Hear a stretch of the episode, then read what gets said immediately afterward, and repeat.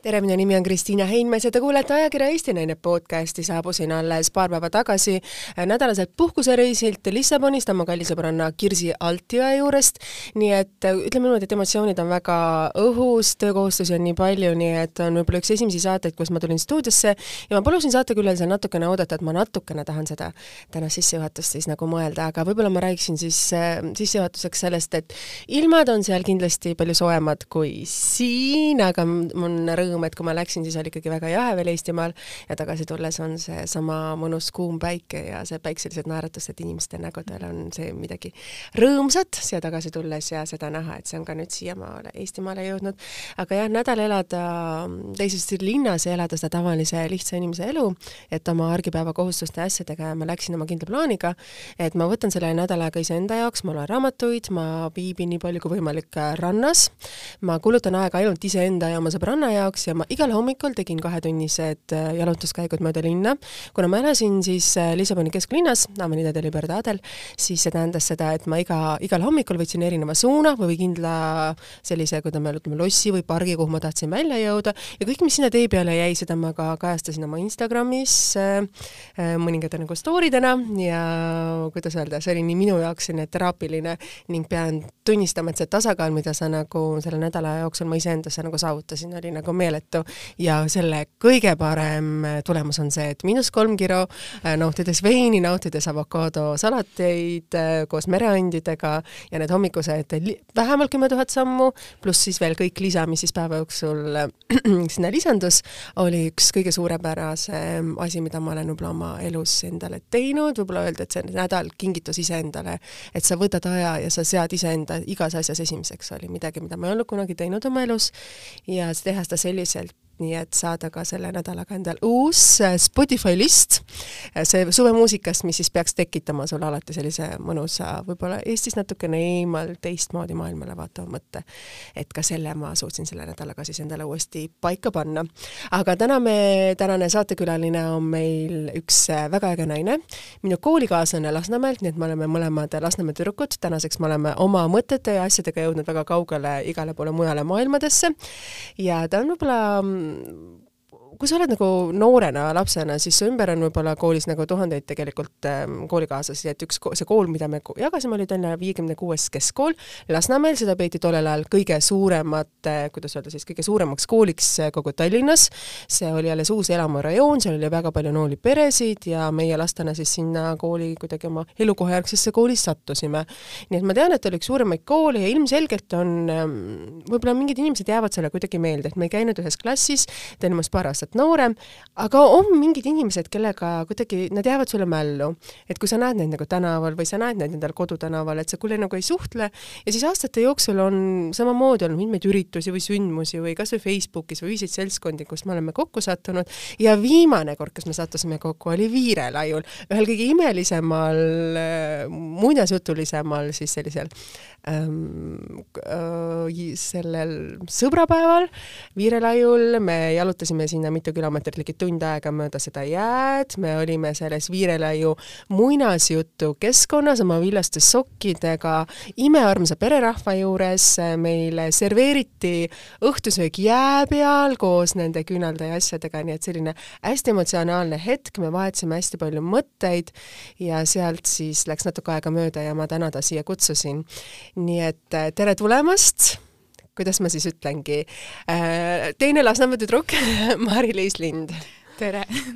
Aitäh kutse eest, nii tore on siin olla. et aitäh, et sa leidsid aega, et tulla, ma tean, et meil on kõigil sellised suvised kiired plaanid ja kui sul on ka lapsekene ja asjad, et äh, kõik kohustused on ju koos, aga me alustasime siin stuudios ka väikest sellist juttu nagu reisimisest, et sa mainisid samamoodi, et äh, noh, mina ei olnud samamoodi üksteist kuud reisinud, et see kogemus, et sa oled olele lennukis, mis asja, et sa oled selle maskiga, et see on ikkagi selline nagu vabaduse tunne, kui sa vaatad, päike loojub seal pilvede peal ja asjad ja sa mainisid ise, et sa ei ole samamoodi kaua reisinud, et et et kuidas sa nagu iseennast nagu tunned?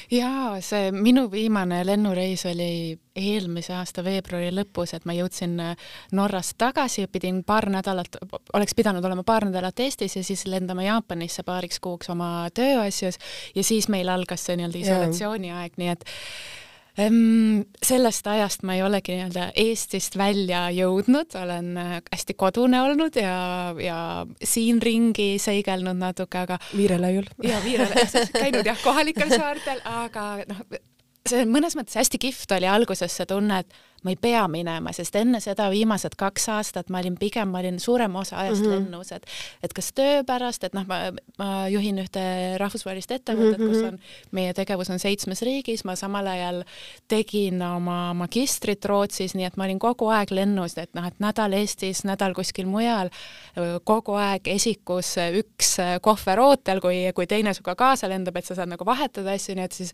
see, see märtsikuine esmane šokk algul oli nagu minu jaoks jaoks oli isegi niimoodi jess et ma ei pea minema, sest noh, et ma, sa ei ole jõudnud mm -hmm. veel eelmisest reisist nagu puhata ja noh, hästi palju mul on olnud seda nagu ajavööndite vahelist lendamist, et mul on äh, tiimid Aasias, USA-s, eks ole, Euroopas, et siis sa oled nagu, tegutsed kolmes väga erinevas ajavööndis kogu aeg, et siis, siis äh, kuhjunud äh, reisiväsimus mõnes mõttes oli, oli, mida ma sain eelmise aasta nii-öelda esimesel poolel küll mõnusasti siis siin välja magada ja puhata ja olles nagu samas ajavööndis. ja siis muidugi ühel hetkel ikka tuleb see nagu selline närvilisus, et oota, mis värk nüüd on kaua ma siin olen, et, et ma saingi, ma arvan, juuniks sain aru, et terve oma teadliku täiskasvanu elu jooksul ma ei ole nii kaua ühes riigis olnud korraga, et kogu aeg on ikkagi põhjust olnud noh, vähemalt kord kuus kuskil käia töö pärast või siis noh, oma, ma ei tea, puhkusereisidel või kooli pärast, et noh, kogu see aeg, kui sa oled täiskasvanu olnud ja äkitselt sa oled nagu oota, et ma olen ainult siin. Ja see ongi see, kus ma olen ja mingit plaani ka ei paista kuskilt, et et see on hästi huvitav, et noh, nüüd ma ootan küll, et, et saaks hakata jälle lendama, et äh, mul on esimene vaktsiin saadud, teine kohe-kohe tulemas ja, ja peale seda mina kavatsen lendu tõusta. Kus on see esimene riik, kuhu sa tahaksid lendu tõusta, et mis on sinu nagu mõtetes, et võib-olla tööalaselt kindlasti sa pead tegema teistmoodi valikut, kus sa lähedki nagu tööle, sul on kohvris kaasas need paberid, asjad, sa oled lennukis nagu töine, aga kus oleks see puhkusereis, kuhu sina tahaksid minna? minu jaoks hästi erinevalt sinust, kuigi mulle tohutult meeldib Portugal, aga, aga ma ei ole eriline nagu soojade riikide nagu fänn oh, eos, et mm, -hmm. et ma arvan, et kui mul, kui mul oleks selline valikuline puhkusereis, siis ma läheks Gröönimaale. aga aga, aga see kindlasti esimesena ei, ei, ei sattunud minu reiside hulka, aga noh, tööalaselt mul on ka tegelikult, mul on nii palju võimalus väga toredates riikides käia, et mul on tiim Uus-Meremaal, kelle juurde ma tahaks niipea minna, kui saab, kuigi Uus-Meremaa on, on öelnud, et nemad on aasta lõpuni lukus, et yeah. seda ei saagi mm. -hmm. aga noh, mul on tiim Singapuris, kus on soe mm, yeah. Jaapanis on ju, Koreas, et, et tegelikult neid kohti on, kuhu, kus on noh, isegi tööalaselt, kus on väga mõnus olla, onju et äh, aga ma arvan, et esimene, esimene välisreis, mis ma tõenäoliselt äh, küll teen sellel suvel, et ma lähen Inglismaale, et minu, minu elukaaslane on ja. tegelikult sealt pärit ja, ja on ise ka nüüd minemas sinna kohe varsti, et siis, siis äh, tahaks talle sinna külla minna, sest me oleme siin kohtunud, siin elanud, siin tutvunud ja, ja polegi nagu ka seal saanud käia veel, et nüüd, et ma nagu tahaks jõuda sinna kohta, et me, me ka saame seal nagu nii-öelda olla koos natuke aega, vot et laiendada siis öelda ka neid sugulussidemeid ja neid just, asju. just, just, just, et, et ongi,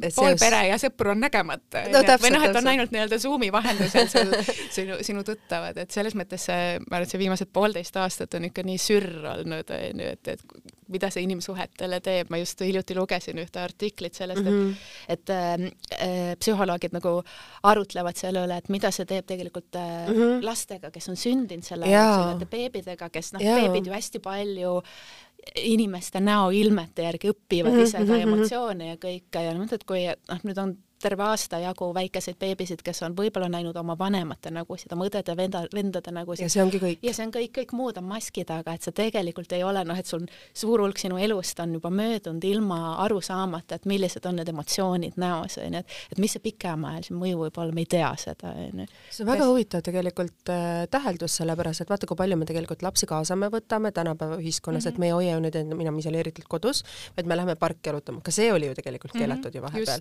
või minna kas või restoranidesse või kas või kohvikutesse või nagu teha selliseid nagu rohkemaid, et näha ka teisi beebisid, et see on ju nendel tegelikult vahele jäänud väga just, paljudele. just, just, just, et ongi, et noh, need, need mu sõbrad, kellel on väikseid lapsi nagu pisi, päris pisikesi ongi, kes on sündinud kas täpselt enne seda isolatsiooniaega või selle mm -hmm. jooksul, nad ka ütlevad, et et vaata, et noh, et need, need, need, need lapsed on nagu nii kramplikult ikka oma vanemate küljes, sest nad ei ole harjunudki nägema võõraid, onju, et, et see sotsialiseerimine on ju nii, nii oluline ja nii nagu loomulik osa, aga nendel on see puudu jäänud. see beebide see käitumine on nagu selline vahetu ja nende jaoks on ju kõik sõbrad, et just, just, kõik just, need just. inimesed, keda nad üldiselt nagu näevad. aga Mari-Liis, me läheme algusesse tagasi, me läheme tagasi Lasnamäele me õppisime siis suurimas koolis, mis oli viiekümne kuues keskkool ja me just rääkisime nendest äh, õpetajatest, kes meil seal oli ja sa nii ilusasti rääkisid meie inglise keele õpetajast, et me ju, mina olin tegelikult mõnes mõttes katsejänese kat,, katsejäneste klass ähm, Lasnamäele, kus see suur kool loodi, loodi siis, kuidas öelda siis erinevad klassid, üks oli rahvatantsuklass, üks oli kunstiklass ja see oli inglise keele kallakuga klass. mina sattusin siis mingisuguste erinevate katsete tõttu sinna ingliskeelsesse klassi ja seal ma siis olin, aga see, et meil satub selline suurepärane õpetaja nagu õpetaja Suursalu mm, -hmm. kes oli ka minu klassijuhataja, kes ma pean ütlema, andis meile nii perfektse inglise keele, kes andis meile inglise keele, millel ei ole sellist aktsenti, kes oli nii karm, et ma mäletan, kuidas ma öö, hiliste öötundideni pisaratega õppisin neid sõnavara ja neid etteütlusi tegin emaga, kes ebaregulaarseid verbe. jah, ja neid etteütlusi ma emaga, kes ei teadnud sõnagi inglise keelt, nii et äh, ma hakkama sain, aga lihtsalt ma mäletan, kui raske see oli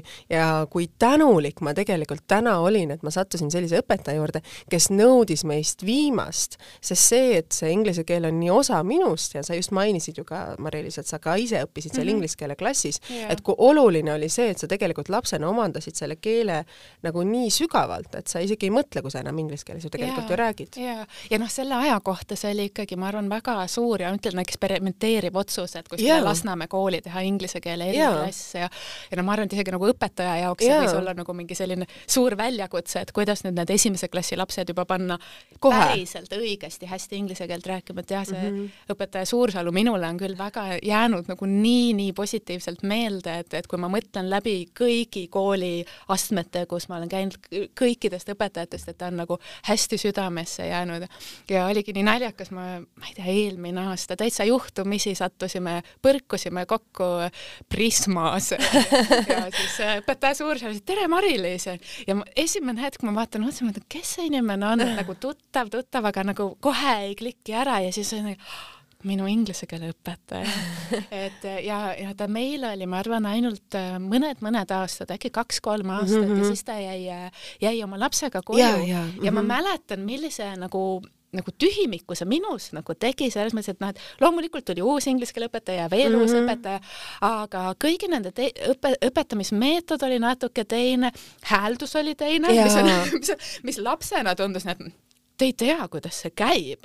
õpetaja Suursalu õpetas teistmoodi, et, et yeah., et sa kuidagi nagu noh, mingi sideme ta suutis minule küll tekitada, et mis ta mulle siiamaani meeles sellise hästi-hästi sooja õpetajana, et võib-olla see ka, et ta oli päris noor siis yeah. ise ka, et mm, -hmm. et, et siis oli nagu lihtsam võib-olla lapsena temaga nagu suhestuda kuidagi. jaa, ta oli hästi noor õpetaja, ma mäletan ka seda jah, et et see, see tema karmus või selles mõttes mm -hmm. see mhm. nõudlikkus tuligi sellest, sest no ilmselgelt alles ülikooli lõpetanuna sa nõudsidki seda, sest sa olid harjunud seda. just, just, just ja noh, sa ei olnud ja... veel kuidagi nagu ilmselt selles süsteemis ka nagu ära nagu, mugandunud no,. nagu mugandunud ja mm -hmm. juba pettunud, et lapsed nagunii ei viitsi või midagi sellist, noh, et vahel vaata mõne, mõne õpetaja puhul sul tekib see tunne, et nad on juba käega löönud, onju, et ah, sealt ei tule midagi. aga mida sa mäletad veel oma Lasna, oma sellest Lasnamäe perioodist või sellest lapsepõlvest, et noh, minul on ainult väga ilusad mälestused ja minu jaoks on see nagu väga solvav ja minu jaoks on see ka sõimusõna, kui keegi ütleb, et äh, a la Lasnamäe on selline või Lasnamäe mm -hmm. kohta nagu halvustatavalt, et aga minul on väga ilusad mälestused, see oli minu osa lapsepõlvest. Ja kui keegi midagi solvab, siis mina võtan seda selles mõttes siiski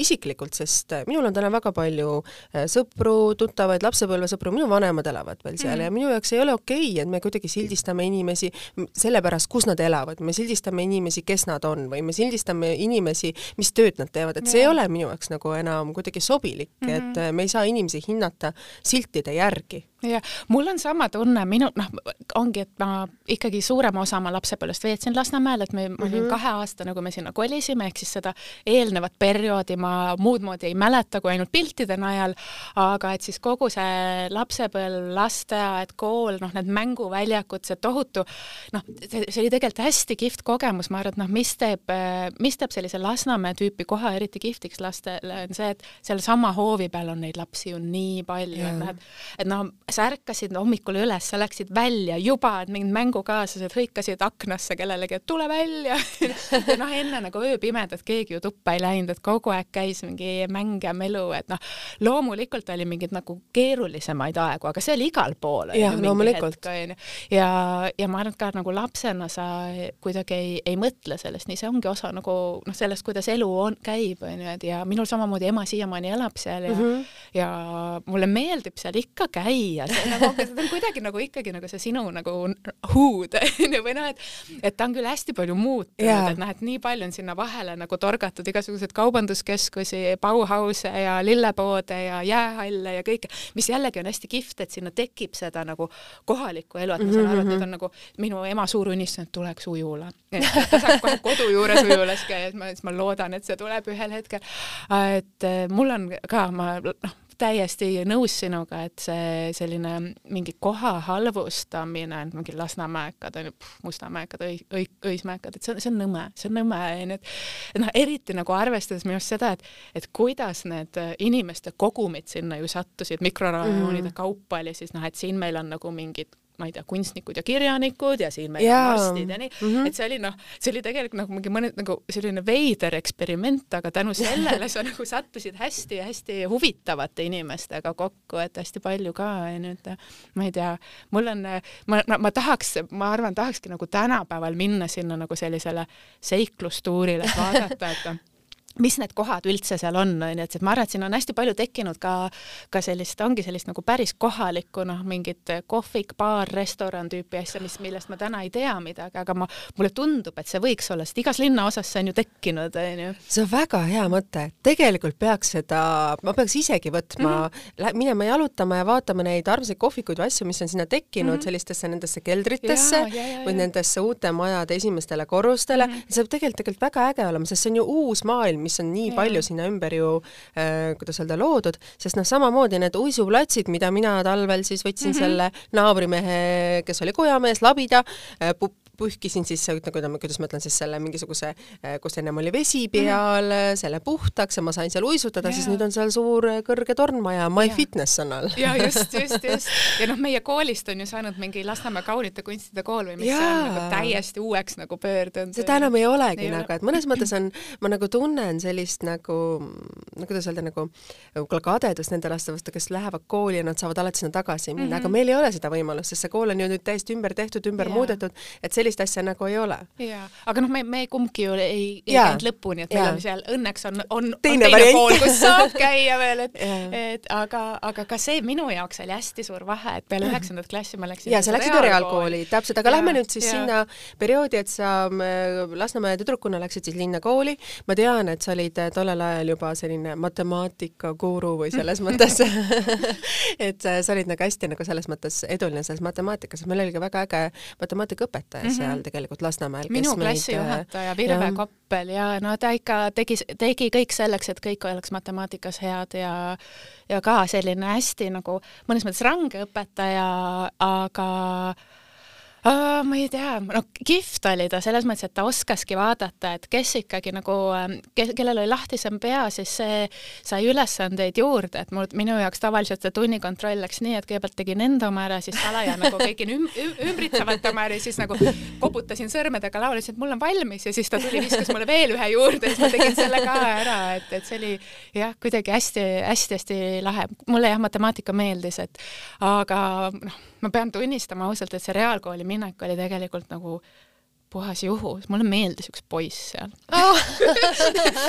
armastas, noorpõlve armastas. klassikaline lugu ja, ja, ja, ja ma olin, ma olin saanud sisse Inglise kolledžisse ja, ja tegelikult ja. ma reaalkooli katsetega ei saanudki sisse, tunnistan ausalt üles. matemaatikas oli kõik hästi, aga füüsika oli suhteliselt nõrk. ja mul. see oli meil Lasnamäel ka nõrk, et see ma mäletan nõrk, seda, kui ma läksin ka linnakooli, et siis, siis ma sain ka ja. aru sellest, et ja. ja aga noh, õnneks neil oli seal mingi klausel, et kui, kui sa oled ikkagi mingisugusel riiklikul olümpiaadil esikolmes mm -hmm. olnud, et mida sa siis, olid? siis me mm -hmm. võtame ja mul oli seal eesti keel, inglise keel, matemaatika ette anda, siis ma olin, nüüd ma tulen ja see Tanel me hakkame teistima. muidugi noh, peale nagu mingit oktoobrikuud ma sain aru, et koolis on veel poisse ja Taneliga läksid asjad nii, nagu nad läksid mm, -hmm. aga, aga, aga noh, kihvt reaalkool tegelikult noh, täna ta on ikkagi minu jaoks see minu nii-öelda põhiline yeah. kool, et see, see kolm aastat gümnaasiumis seal on teine maailm, on ju. täiesti teine mm -hmm. maailm ja noh, seal on ikkagi nii pikk ajalugu taga ja noh mm -hmm,, nii palju yeah. akadeemikuid, kes seal on käinud ja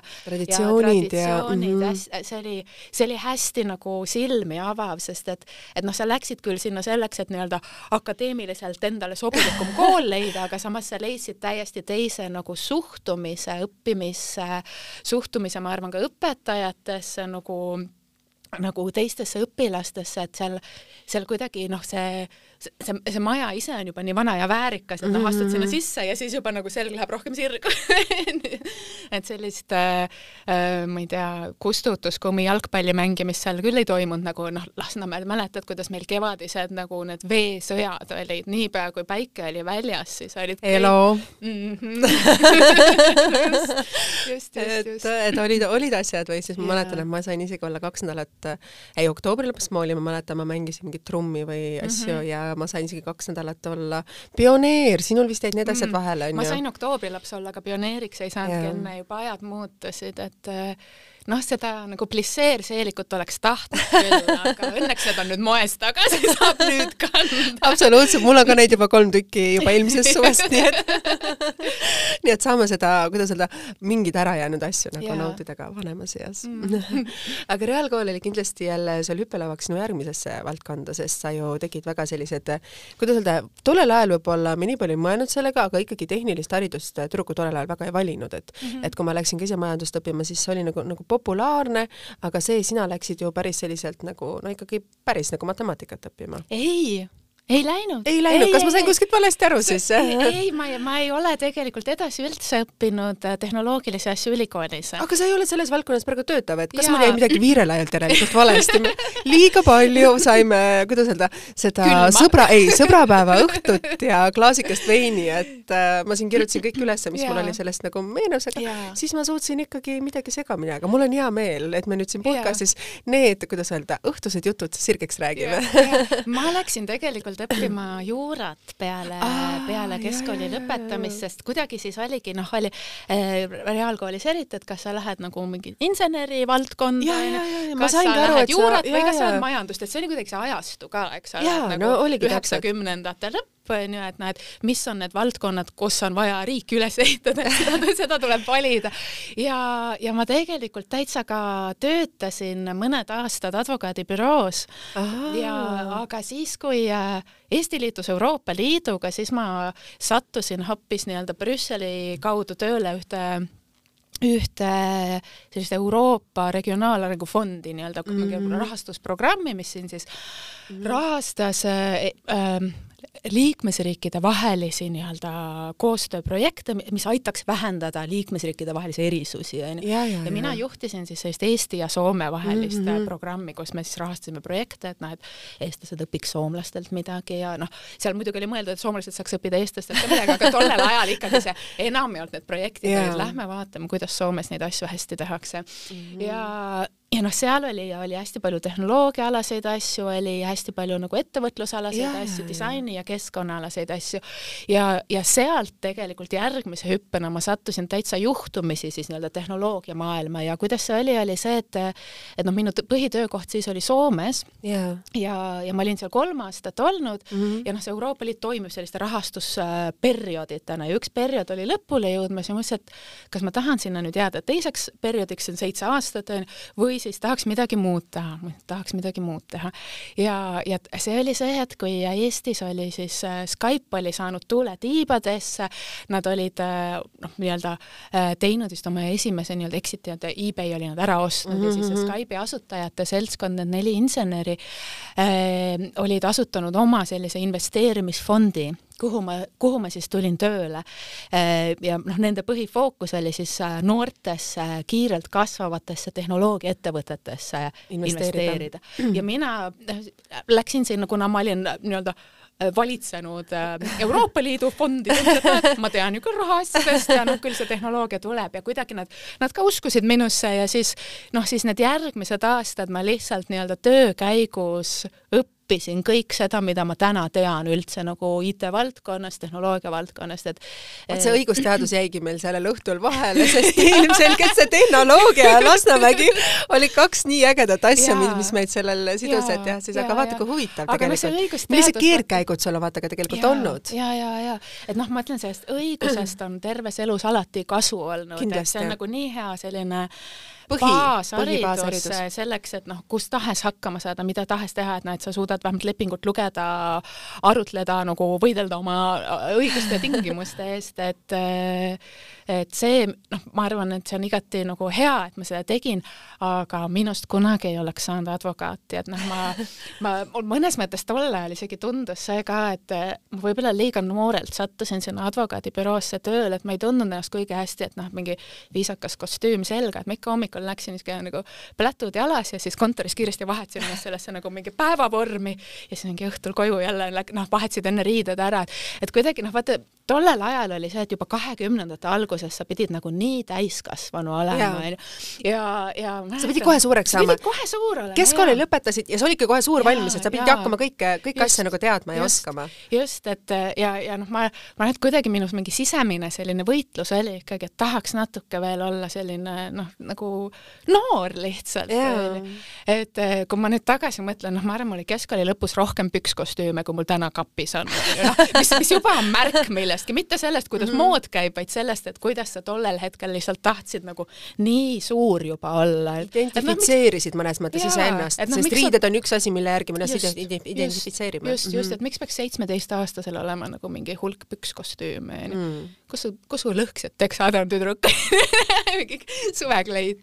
ma pean tunnistama, mul olid ka need kleidid ja kostüümid on unustatud ja need lõhkised teksased ja need T-särgid ja nüüd ma ostsin ka endale lühikesed püksid ja nüüd mu kapis olemas siis ma kuidagi olen ka samamoodi jõudnud sinnani, et, et üks asi on see, kelle me, kellega me ennast identifitseerime, teine asi on see, see töö, mis sind identifitseerib või nõuab sul teatud asju, aga see, kes sa päris oled mm, -hmm. et julgus olla see, kes sa oled, et see on mul küll tulnud väga-väga aeglaselt aga jah, nii ma jõudsin siis pigem nagu selle tehnoloogia valdkonnani mm -hmm. ja siis, siis oligi, ma arvan, see noh, kahe tuhandenda keskpaik, mul tekkis ka tunne, et näed, kõik need ettevõtted, kus ma käisin nii noh, mis meil portfellis oli yeah. nii Eestis kui mujal, see oli ikkagi selline tohutu nii-öelda poiste mängumaa ja mõtlesin, et miks nii vähe naisi on tehnoloogias et ja. kuidas, kui sa sattusid sinna valdkonda, sa ütlesidki, et olid nagu, et sina võtsid nagu, sul ei olnud tabusid, sa sattusid naisena põhimõtteliselt sinna meeste mm -hmm. keskele, et ja mis olid need esimesed sammud või asjad või kui sa seal nagu noh, mida sa nagu täheldasid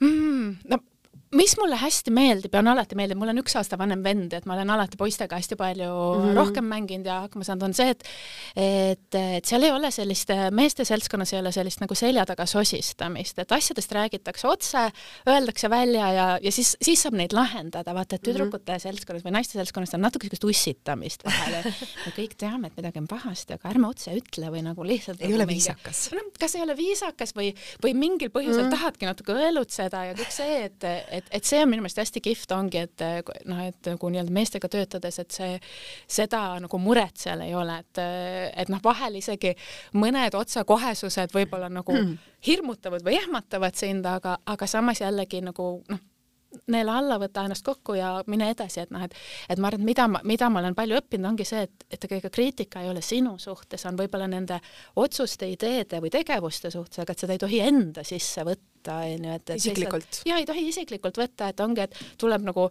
keskenduda sellele, et kuidas seda nagu noh, kuidas seda murekohta lahendada, onju või kui sa saad siis isiklikult mingit nagu kriitikat, ongi noh, vaata, et ikkagi sellise, ma ei tea, tihti ma arvan, kahekümnendates juhtus ikka seda, et kui sa lähed koosolekule, siis esimene hetk arutatakse, et sina oled see, kes peaks kohvi tooma, onju. et, et noh, et nagu okei okay,, et sekretär saabus, et las ta siis toob, onju. kas see oli nende inimeste poolt, kes, kes olid su tööle palganud või need inimesed, kes tulid teie kontorisse sisse. kes tulid väljastpoolt, ei need mm, -hmm. need mhm. inimesed, kellega ma koos töötasin mm, -hmm. nendel kellelgi ei olnud nagu mingit sellist, sellist vahetegu ja, ja see on hästi tore, et et ma arvan, et pigem kogu aeg mulle anti nagu suuremaid ampse, kui ma ise oleks julgenud võtta, et mm, -hmm. et, et ma olen, ma olen nii nagu südamest tänulik üleüldse selle eest, et ma niimoodi sinna valdkonda sisse, sisse sain, on ju, tol ajal. sattusid sinna õigel ajal õiges kohas. aga jah, kuidagi neid selliseid, noh, tead ikka sellised, ma arvan, et kõik kõik naised on kokku puutunud selliste veidrate seksistlike nagu kommentaaridega, et ma mäletan, ma olin ma olin Hongkongis ühel konverentsil esinemas mm -hmm. ja noh, see sinu, sinu teema on täiesti sisuline teema ja siis see sissejuhatus on now the beautiful blonde European onju et noh, et, et sa, sa oled nagu kohale kutsutud nagu lihtsalt nagu mingisuguseks täiteks, et midagi teistsugust kui eksootiline onju noh, et ja see on nii, see on nii halvustav onju ja siis lähed lavale ja mõtled, et hmm, huvitav, et noh, et mida ma nüüd siis teen mida sa oled teinud nendes olukordades, et ma olen ise olnud ka väga palju sellistes olukordades ja see on nagu see, et kas ma hakkan sellest kinni mm. või ma ei hakka sellest kinni, kas ma ütlen vastu või ma ei ütle vastu? minu meelest tuleb alati reageerida mm., sest vahel on noh, ühelt poolt on vahel see, et et noh, kui sa ei reageeri, siis sa ise normaliseerid, sa aitad kaasa selle normaliseerimisele, et võib-olla see teine pool ongi harjunud kogu aeg selline onu Heino olema ja keegi ei ole mitte kunagi talle öelnud, et kuule, stopp, onju ja, ja ma arvan, et see, et see selline sekkumine ka nagu julgustab siis kedagi järgmist sekkuma, onju, sest tihti ongi see, et et me tunneme ennast olukordades ebamugavalt, hiljem siis nagu sõprade või perega nagu kurdame, et niisugune olukord oli, aga et noh, et seal ei ole seda action'it, et aga mina ise vastu tegin siis selle, et mul on jah, mingi noh, erinevaid olukordi on olnud, mis on nagu isegi mõnes mõttes sarnase sarnase nagu keelega või nagu, et, et ma mäletan ükskord ühel, ühel töövestlusel, kui mm -hmm. oli, läks palga läbirääkimisteks, siis, siis see minu vastas olev mees ütles, me ei maksa oma meestelegi nii palju, kui sa küsid, onju. ja siis ma olin, et mul ükskõik, mis te oma meestele maksate, see on number, mis mina tahan, et võib-olla te peakski seda naistele siin maksma siis, onju. ja, ja noh, mingi kord oli kuskil konverentsil, ma olin kutsutud paneeli ja, ja noh, ütlesid, et ah, et me tahaks, et ta oleks natuke nagu mitmekesisust, et me kutsume ühe naise ka rääkima, onju. et noh, et kas sa oled lihtsalt selline mingi diversity täide, onju, ja et, et siis ikkagi ma olen alati nagu selle nagu noh, välja öelnud, et sellepärast ma küll ei tule, onju, või et nagu ongi noh, et neid asju peab ütlema.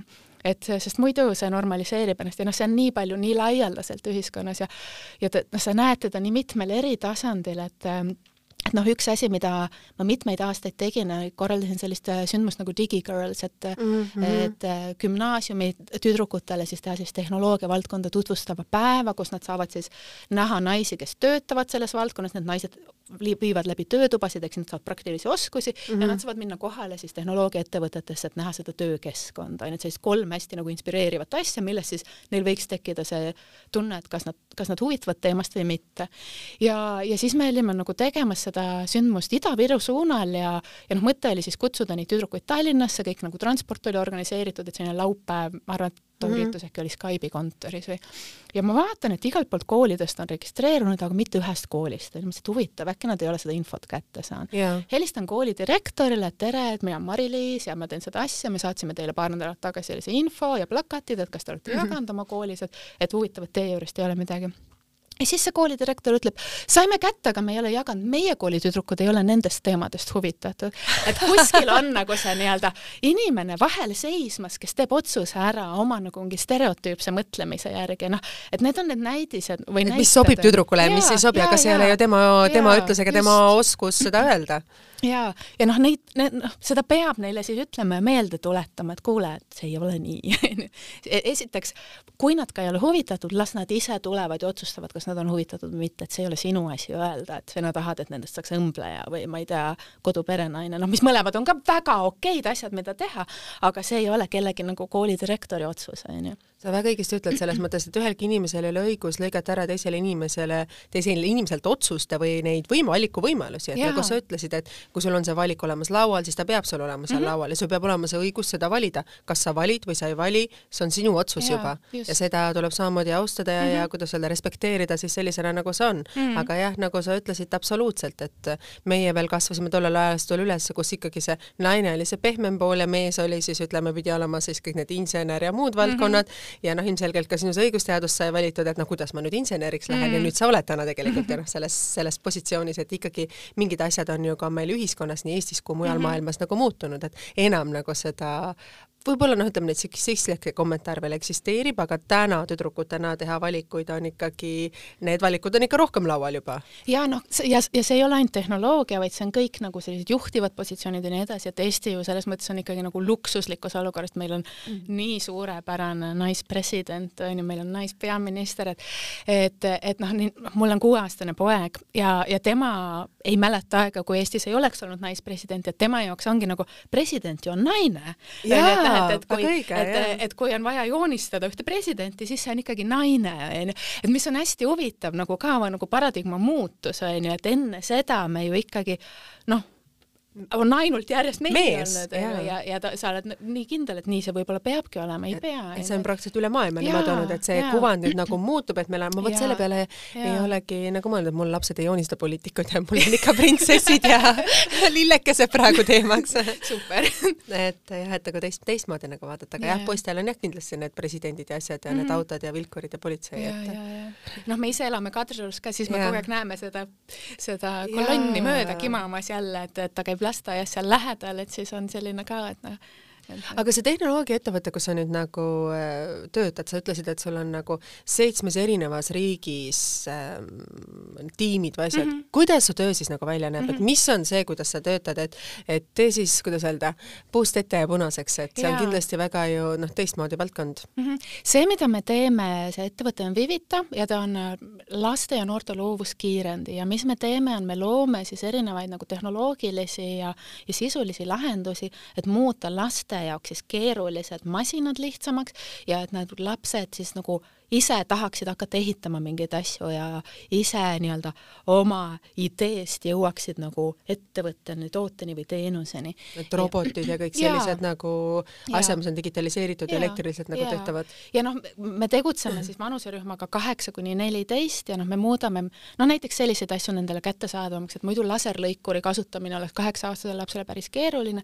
me oleme loomas siis sellist nagu tahvelarvutipõhist äh, tarkvara, mis siis võimaldab neil lihtsalt ise nii-öelda ta tahvelarvutis, nii nagu üks kaheksa-aastane seal joonistaks, on ju, saata siis see lõikejoonis laserisse, mis lõikab talle selle välja, et see on näiteks üks nendest näidetest. Ja siis me ehitame erinevaid selliseid väikseid prototüübimiskomplekte, et nad saaksid kiirelt ise mis tahes masina valmis teha, on ju, et on see siis robot või mis iganes, on ju, ja noh, kõiksugu seda, seda tüüpi tehnoloogiat ja et kas see ja, nüüd on Eesti, Eesti-põhine asi ja siis teil ongi need eri koostööpartnerid erinevates riikides, mida sa siis käid nagu juhendamas või laiendamas? meil on nii, et noh, peakorter on Eestis ja siis meil on tütarettevõtted on nagu seitsmes erinevas riigis, sealhulgas Eestis on ka oma tütarettevõte ja, ja siis ongi need noh, me oleme globaalne ettevõte ikkagi kokkuvõttes mm., et need tiimid, kes eri riikides on, nad teevad nii kohapeal nagu iseseisvalt mingeid asju ja siis mingid projektid meil on, mida me teeme ühiselt, et mingid, mingi hulk tarkvara, et täna on ka nii, et et üht, üks asi, mida me just oleme lansseerimas, on nii-öelda koostöös olnud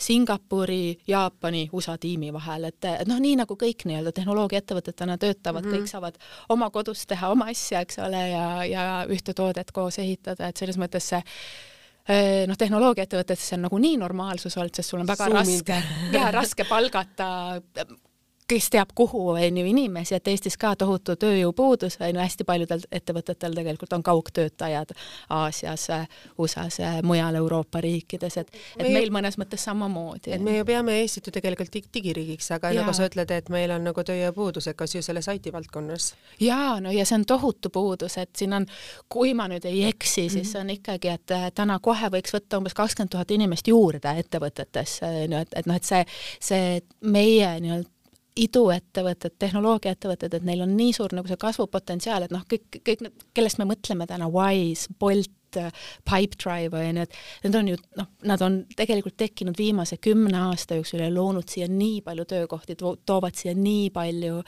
ma ei tea, nagu tulu sisse, et noh, metsik, aga, aga kõik nad ei saa kõiki töötajaid siia palgata, et neil on samamoodi ju kontorid üle maailma ja ja paljudel on nagu selliseid nagu kaugtöötajaid nendes sihtpunktides, kus neile inimestele endale meeldib olla, et et ma arvan, et see on ka sellise IT-valdkonna töö puhul hästi suur pluss, et sa võidki töötada, kus sa tahad, millal sa tahad, on ju, et peaasi, et sul on töö tehtud, et näed, et see selline tagumikutundide täisistumine pole ju nagu eesmärk omaette, et sul kõik inimesed tuleks kontorisse istuks. kuigi mulle tundub, et nüüd peale seda nii-öelda aastat sunnitud kodus olekut, siis kõik jälle tahaks kokku saada ja ja, ja, ja ühe, ühes kohvinurgas vahepeal ka jutustada, onju, et me ise oma tiimiga teeme niimoodi üle üle nädala kolmapäeviti täna hommikul ka just oli sellised globaalsed nii-öelda vestlushommikud, et noh, kellele hommik, kellele tegelikult vestlusõhtu. mingi kellaaeg, mis siis on siis ülemaailmsed, mis kas või kell kaks öösel on ju. just, just, just, et aga, aga noh, hästi toredad on, see aitab ikkagi hoida seda tiimitunnet nagu, et kui sul on seitsekümmend inimest üle maailma, kes,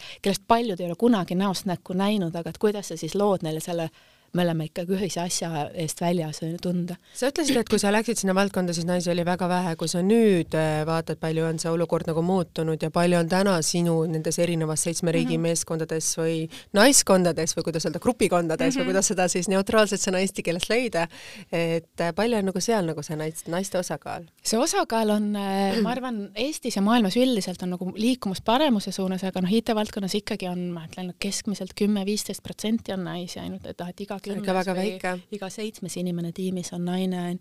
meil on, meil on naisi rohkem, aga meil on ka hästi palju rolle, mis ei ole otseselt, noh, ei ole otseselt tehnilised, kus on nii mehi kui naisi, on ju, et, et et meil on tiimis umbes pooleks, ma ütleks, et on äh, mehi ja naisi ja noh, see on see, see on juba suur saavutus ju tegelikult pooliks, sest meil Riigikogus on ju ka alles vist kakskümmend kaheksa protsenti, mis mm -hmm. on ka mhm. kõige suurem protsent, kus meil on naisi.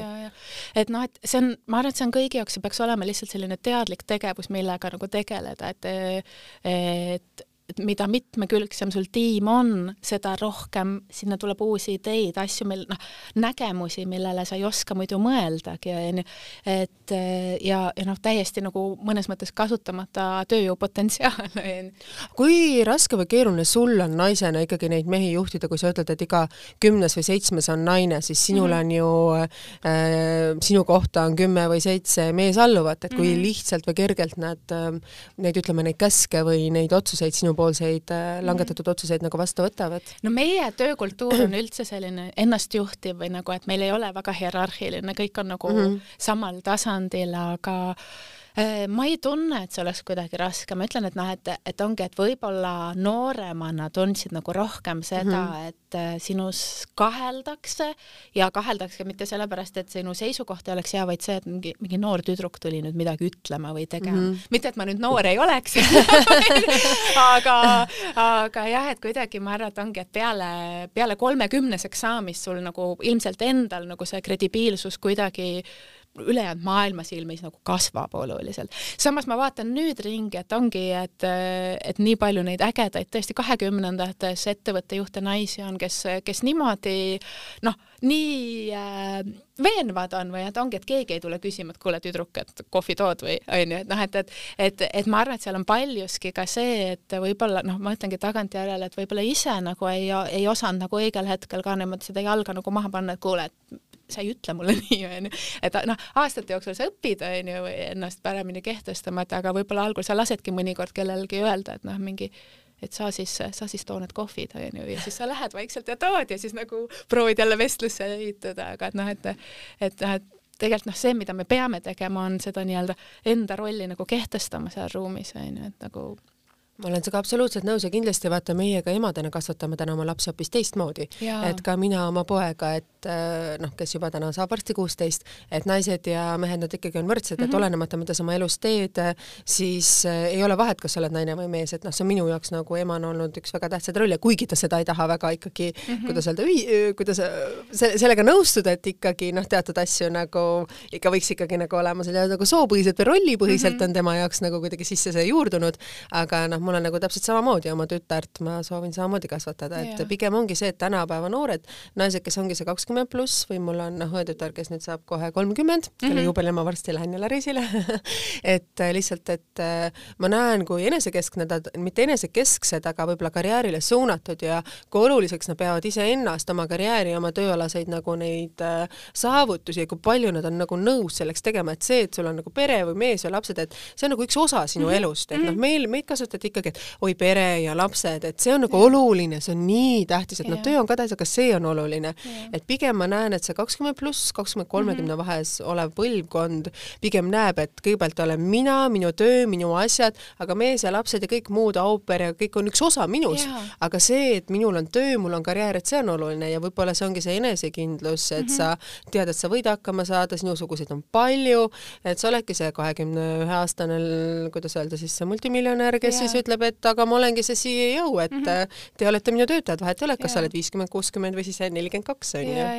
ei noh, see eneseteostus on hästi oluline ja ma arvan, et seda nagu me peame siin järjest rohkem oma lastele, tütardele, poegadele rääkima, sest noh, Eesti ju mõnes mõttes on ikkagi hästi nagu kurvas kohas, et kui me räägime sellest koduvägivallast, et noh, et mis see statistika ütleb, iga viies naine kogeb nagu koduvägivalda, et see on kohutav, onju. ja hästi palju sellest on ju ka see, et, et nad on nagu majanduslikus sõltuvuses, et puudub see selline iseseisvus, et üldse hakkama saada ja sul ongi hirm võib-olla ära minna, sest sa ei tea, et noh, et mis see maailm seal on, onju.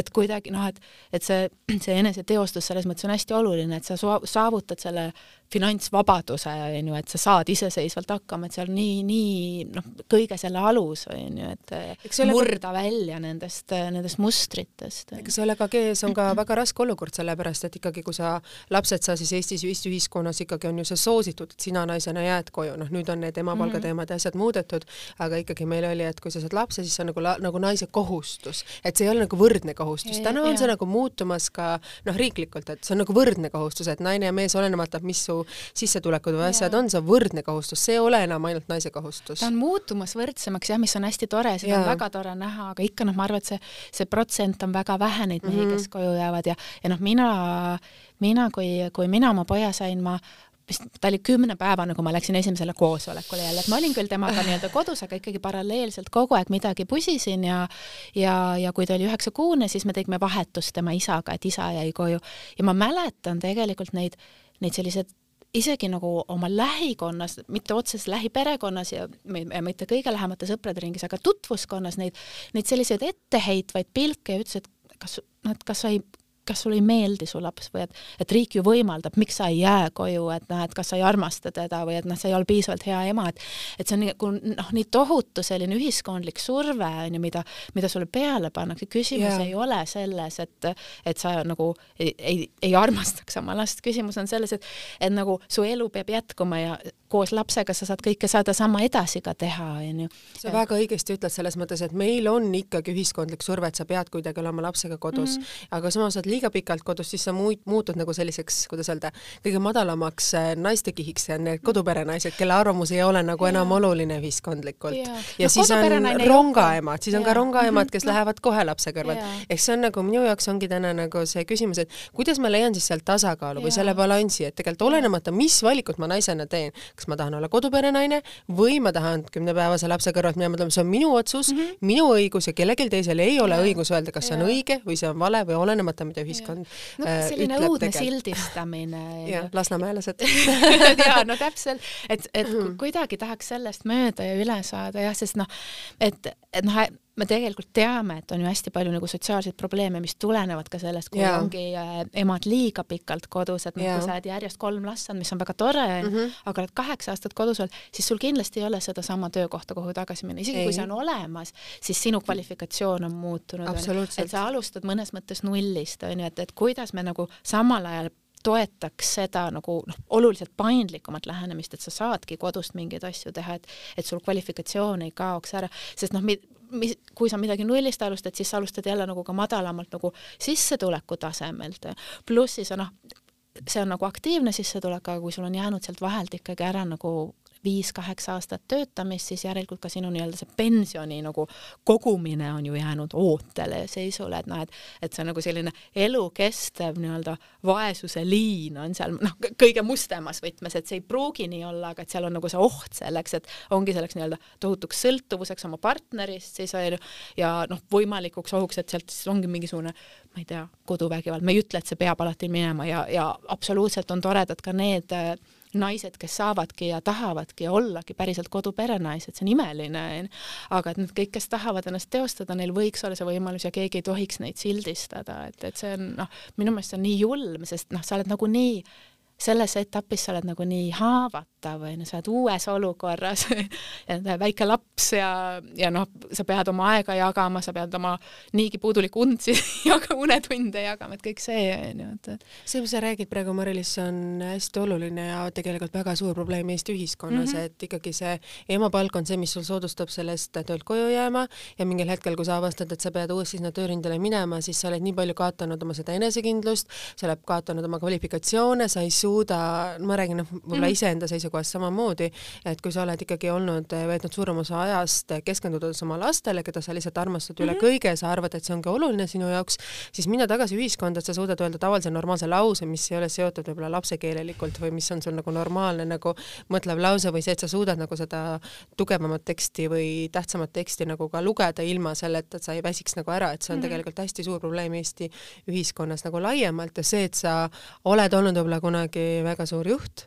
mm -hmm. ja sa oled olnud see kaheksa aastat kodus ja sa lähed ja hakkad uuesti madalamalt pulgalt, siis ikkagi see eestlaslik eneseuhkus või see ego on ikkagi hästi suur ja alustada uuesti ei ole niisama lihtne ja eriti olukorras, kus sul on võib-olla selliseid hästi palju võimalusi mm, -hmm. sa pigem lepid selle olukorraga, et sul on ju tegelikult ilus elu, kui see, et sa astud nüüd nagu ikka mitu sammu tagasi ja hakkad otsast peale sellest nullpositsioonist ja kas sa jääd ellu mm -hmm. või mhm. sa ei jää ellu, see on väga suur risk. ja, ja, ja noh, sa pead leidma ise iseend-, uuesti nagu iseenda avastama, on ju, mõnes mõttes, et kui sa oled nii kaua eemal olnud ja et ma jah, kuidagi mulle, mulle tundub, et neid äh, selliseid paindlikumaid mudeleid peaks ikkagi hirmsasti hakkama nagu välja töötama ja toetama seda naiste püsimist, vaata, et noh, et selleks, et vormis püsida, me kogu aeg teeme trenni, käime jooksmas, et sama on tegelikult see selline intellektuaalne või vaimne nagu tööalane nagu vormis püsimine, et kui sa ennast täitsa ikkagi paariks aastaks välja lõikad sellest, siis ongi ausalt või viieks, paar aastat no, ei ole veel hullu, aga sinna viis-kuus, see on juba ja, väga karm asi. et, et kuidas üleüldse siis nii-öelda panna ennast nii-öelda fokusseerima ühele täiesti teisele teemale, mis ei ole seotud äh, laste kasvatamise või logistika ja kõige sellega, on ju, jaa. ja samas see on ju ka see probleem, et kui sa oled võtnud kõik need perekohustused enda peale ja teine pool ei ole harjunud, et ja. midagi ta peaks nagu enda peale üle võtma selleks, mhm. et ka sina saaksid teha midagi, siis äh, see on väga palju selliste probleemide ja lahutuste ja selliste mm, -hmm. kuidas öelda, kokkujooksvate suh-, suhete ja. üks point, mida ja. siis nagu noh, kuhu nagu suhted jõuavad, et kui mm -hmm. üks inimene tahab sellest ühest aastasest välja rabeleda, teise jaoks on see igati normaalsus, et kuidas see üldse võimalik on, siis on see igati mõistetav, et kumbki mm -hmm. pool ei suuda oma neid tundeid ja tegemisi ja olukordi võib-olla adekvaatselt teisele arusaadaval moel seletada ja, ja, ja ka see omavahel rääkimine ja omavahel asjade läbirääkimine ja kompromisside leidmine ei ole ühegi eestlase kõige suurem trump no see on ka oskus, mida kuskil peaks rohkem õpetama. et mõnes et... mõttes selles mõttes, noh, või selles mõttes mul on hästi küll õnne olnud, et et noh, juba minu, minu vanematel oli hästi nagu võrdselt kõik rollid mm, -hmm. et, et isa, isa kunagi ei kohkunud ühegi töö eest ja ema samamoodi, et, et kuidagi hästi võrdselt ja, ja praegu ka minu noh, lapse isa, kellega me küll täna koos ei ela, et mm -hmm. meil mhm. ikkagi hästi võrdselt sai kõik asjad jagatud ja tänase partneriga samamoodi, et see et ma ei ole õnneks pidanud olema selles, et sina tee neid koduasju. Naine tea, kus on sinu koht. Et ja minu jaoks on kuidagi hästi võõras ka, et ongi, et noh, et kui, kui sa oled kasvanud keskkonnas, kus sa oledki näinud, et et, et isa saab vabalt kõiges osaleda või noh, nagu et hea meelega panustab kõigisse nendesse asjadesse, mida me vahel nimetame nendeks naiste töödeks. issiga piparkooke tehes või kuidas öelda, lõhekala fileerida oleks ju väga armas samas või just. koos, ma ei tea, võin kooka hommikuti teha, kui teil on põled ees, et ja, eriti ja, just tüdrukud mm. -hmm. ma just mõtlen oma isaga, et see mees, kuidas öelda, mehe rolli nägemine ka sellistes lihtsates asjades ja. on ka väga oluline, mida tegelikult Eestimaa paljudes peredes ei ole, et mm -hmm, süüa teeb ikkagi naine, koristab ikkagi naine, et kus siis see laps või mm -hmm. see poiss peaks saama selle isa, isa tegemised ja kus see tüdruk peaks saama, et et see, aga tegelikult on hästi armas, et sa tõid välja selle probleemi, et meie Eesti naised kuidagi jääme sealt tööturult kõrvale mm, -hmm. et tegelikult on see projekt, mida, kui sa ütlesid, et sa tegid selle kooliprojekti, võiks mm -hmm. olla võib-olla ka see projekt, et kui meil on see kakskümmend tuhat, kuidas öelda, puudu IT-inimest, siis miks mitte luua selline programm, kus sul on võimalik mingi teatud perioodi jooksul, kes on võib-olla selle valdkonnaga mhm. mingil määral nagu tegusad olnud võib-olla, teha selline projekt, et need naised tuleksid ja hakkaksid äh, sellest, kuidas öelda, uue kannapöörde teeksid ja hakkaks nagu otsast peale hoopis äh, teises tehnoloogia valdkonnas, et kui see seda on see tegelikult me teeme ka. no vot, aga räägime sellest siis. ja, ja, et, et see digigirls, mis, millest ma rääkisin, mis on teismelistele tüdrukutele, see on üks osa mm -hmm. sellest tegevusest, mida ma, mida me siis ühe sellise vabaühenduse kaudu, mida me viie tüdrukuga koos asutasime mm -hmm. kunagi kümme aastat tagasi, teeme, et Tech Sisters on selle nimi ja selle eesmärgiks, noh, seal meil on nagu kaks laiemat eesmärki, üks ongi, et üldse neid IT-valdkonnas tegutsevaid naisi rohkem kokku saada, et, mhm. et noh, et sa võib-olla ei näe neid, aga kui sa tead, et nad on, on kohe nagu lihtsam, on ju, et, et on mingid teemad, mida saab omavahel arutada, edasi arendada ja nii edasi. ja, ja noh, teine suur eesmärk sellel tegevusel ongi see, et et lihtsalt rääkida neid, seda, mida me teeme selles valdkonnas, millised erinevad rollid on, sest tihti arvatakse, et on ainult nagu see patsiga poiss programmeerija või nagu arvuti parandaja, et no aga maailm mm -hmm. on mhm. nii palju muutunud, et et tuuagi nagu avalikkuse ette, et millised on need erinevad IT-valdkonna tehnoloogia rollid ja läbi selle siis julgustada teisi naisi liituma. et noh, me oleme ise ka hästi palju selliseid algtaseme nagu programmeerimistöötubasid teinud, et mitte selleks, et õpetada kedagi ümber mm, -hmm. aga anda see selline esimene nagu kikk, et nagu, et ahaa, ma saan hakkama, ma võib-olla tahaks rohkem uurida, sest noh, hästi palju sellest nii-öelda ongi nagu IT-valdkonna asjadest, sa ei pea ilmtingimata selleks ülikooli minema mm, -hmm. sa võid, mhm. sa võid seda ka iseseisvalt õppida, online'is õppida, onju. ja noh, Eestis on nüüd muidugi nagu tekkimas täiesti või tekkinud niisugune üks täiesti uus äge kool, ma ei tea, kas sa oled kuulnud, see Jõhvi koodikool, eks ole, mis on selline ei ole praegu äh, selline aastane, tule täiesti nullist, mitte mingite eelteadmistega võid, võid õppida siis programmeerijaks ja sul on nii-öelda garanteeritud, et kui sa selle lõpetad, siis sa saad kuskile tehnoloogiaettevõttesse tööle, et selline hästi tore eraalgatus, selline praktilise õppimise, et see ta ei ole nagu traditsiooniline kool, seal ei ole õpetajaid, seal ei ole mingit õppekava, vaid seal on nagu lihtsalt ülesannete lahendamine järjest ja läbi selle sa õpid, on ju, ja see on kõige parem viis õppimiseks, selle asemel, et midagi nagu tuupida, vaid et nagu praktilisi ülesandeid lahendad. et selline Eesti tehnoloogiaettevõtjate algatus, see mudel on võetud üle ühest Prantsusmaa koolist Ecole quarante deux, ma arvan, kui ma nüüd, sina oled prantsusitsamis, sa tead paremini. aga, aga jaa, et nad just minu meelest nüüd võtsid vastu esimesed äh, esimesed tudengid, kes siis sügisest alustavad ja ja noh, üle kolme tuhande inimese kandideeris sinna, nad vist vastu võtavad äkki kakssada, võin, võin numbrites eksida, et, et kui palju vastu võetakse mm, -hmm. aga mhm. ma vaatasin just, et üle kolme tuhande inimese oli kandideerinud ja praktiliselt pooleks. natuke oli rohkem mehi kui naisi, aga noh, see juba näitab tegelikult, et see mingil moel see, see tabu ja stereotüüp on nagu murtud, et, et naised ikkagi kandideerivad ja minu meelest kui ma ei eksi, kõige noorem kandideerija oli äkki üksteist ja kõige vanem mingi seitsekümmend miskit, et neil küll oli see vanuse nii-öelda alampiir kaheksateist, et sa pead täiskasvanu mm -hmm. olema, aga noh, kuhu kihvt oli seda statistikat vaadata, et tegelikult, et, et kes kõik on üritanud sinna saada ja kandideerimine samamoodi oli hästi kihvt, et et sa ei noh, sa ei pea esitama mingit lõpudiplomit, suva, mis su nagu taust on, tee läbi need prooviülesanded, mis näitavad lihtsalt, kuidas sa mõtled, on ju, et mis on sinu loogiline mõtlemine, kuidas sa oskad probleeme lahendada ja selle järgi siis otsustada otsustavad, sest tihti vaata on minu meelest ka see tüdrukutel eriti, võib-olla ka poistel, aga noh, mida ma olen kuulnud läbi nende Tech Sisters ürituste, on see, et ma ei ole julgenud isegi selle valdkonna poole vaadata, sest ma ei olnud koolis matemaatikas väga hea, onju. ja noh, matemaatika on kõige alus ja öeldis, onju, mhm, nagu, mhm. et aga, aga noh, see valdkond on nii palju laiem, on üks asi, et matemaatika on igati alati kasulik, aga see ei ole nii-öelda ainus asi, mis sa pead oskama ja kui sa ei olnud ka matemaatikas hea, sa võid ikkagi väga hea olla programmeerimis. programmeerimine on nagu mingi, tegelikult ikkagi nagu mingi keele õppimine, lihtsalt viis, kuidas arvutiga suhelda, onju. et kui sa, kui sa oled keeltes hea, siis sa oled pigem võib-olla nagu ka programmeerimises hea, sest samamoodi onju, et nagu meie räägime omavahel keeles, see on lihtsalt ühe masinaga keeles suhtlemine, et sa õpid nagu selgeks, millest tema saab aru, mille järgi tema oskab käituda, onju, mingeid järgmisi tegevusi teha. et jaa see on väga-väga huvitav idee, aga meil on kell nii palju, et me peame hakkama lõpetama, aga muuseas, Mari-Liis äh,, kuna ma olen ise ka mõelnud, et ma tahaks õppida mingisugust nagu tehnoloogia valdkonda või midagi sellist, sest ma, mina olin üks nendest lastest, kes nagu sina, tegi ära iseenda töö ja siis tegi kõikidele naabritele salaja ära, saatis need laualt neid töösid ära. tihtipeale ma sain ise nelja, kuna ma tegin null pluss null on näiteks üks, sellise rumala vastuse, sest noh, need ülesanded olid lihtsalt nii lihtsad, et sa ei hakanud, noh, tegid selliseid rumalaid vigu sinna sisse. et see on võib-olla üks valdkond, mida ma ise tahaksin õppida ja võib-olla võiks ju sellest ka rohkem kirjutada avalikkuse ette rääkida, et need inimesed, kes meil on jäänud kodus, kes tahaks oma mm -hmm. kannapööret teha, neil oleks ka see võimalus, et et võib-olla saab ka seda kodus teha või leida see aeg ja asjad, et eh, mida ma ise olen ka täheldanud, ärge jääge koju mm. -hmm. või kui jääte, siis äh, võtke mingi eesmärk, et te kindlasti õpite midagi juurde. et äh, absoluutselt, et ärge jääge koju, ärge leppige kõige sellega, kus te praegu olete ja, ja mõelge selle peale, et kuhu ma tahan areneda, mida ma tahan, tehke endale nimekiri, hakake seda järjest tegema mm, -hmm. võtke kasvõi see nädal, minge, ma ei tea, maale ja tehke iga päev asjad ära, mida te tahate teha, mida te tahate äh, lugeda, kuhu te tahate jalutada, mida te tahate teha, mida te tahate süüa mm -hmm. ja te olete absoluutselt teine inimene, kui te tulete sealt tagasi, et noh, mina tegin ise seda, nii et ma soovitan kõigile, et see on ju kõige parem kingitus mulle endale ja seda digitekkuli projekti võib-olla võiks mõelda ja võib-olla arendada midagi suuremat sellest ja mm -hmm. seda mhm. päriselt teha et kõik need et kuidas öelda, veel väikeste lastega kodus naised enam sinna ei jääks, vaid nad tuleks välja ja hakkaksid elama ja tundma rõõmu elust ja ka iseendast, et ja. Äh, alati on võimalik uut algust alustada.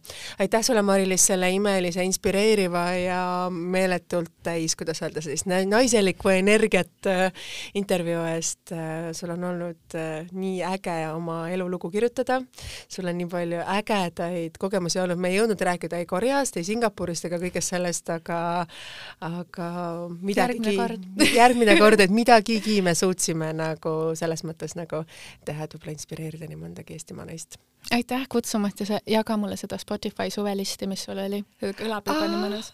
See on väga-väga selline hispaania, portugalikeelne ja see on selline Ladina-Ameerika rütmid, et minule kui tantsijale need sobivad, aga jaa äh,, Spotify's täiesti olemas, saadan sulle lingi, nii et võid kuulata. Aitäh teile ja aitäh teile, kallid kuulajad, et olite meiega. ma loodan, et te saite natukene inspiratsiooni natukene võib-olla päikest ja natukene eneseusku ja sellist võib-olla ka kriitikat, et ärge olgem lihtsalt naised, vaid olgem need naised, parem versioon iseendast ja kohtume teiega nädala pärast ja nagu ikka, on meil see podcast saadamas nii SoundCloudis, Delfi taskukeskkonnas kui ka Spotify's. nägemist! thank you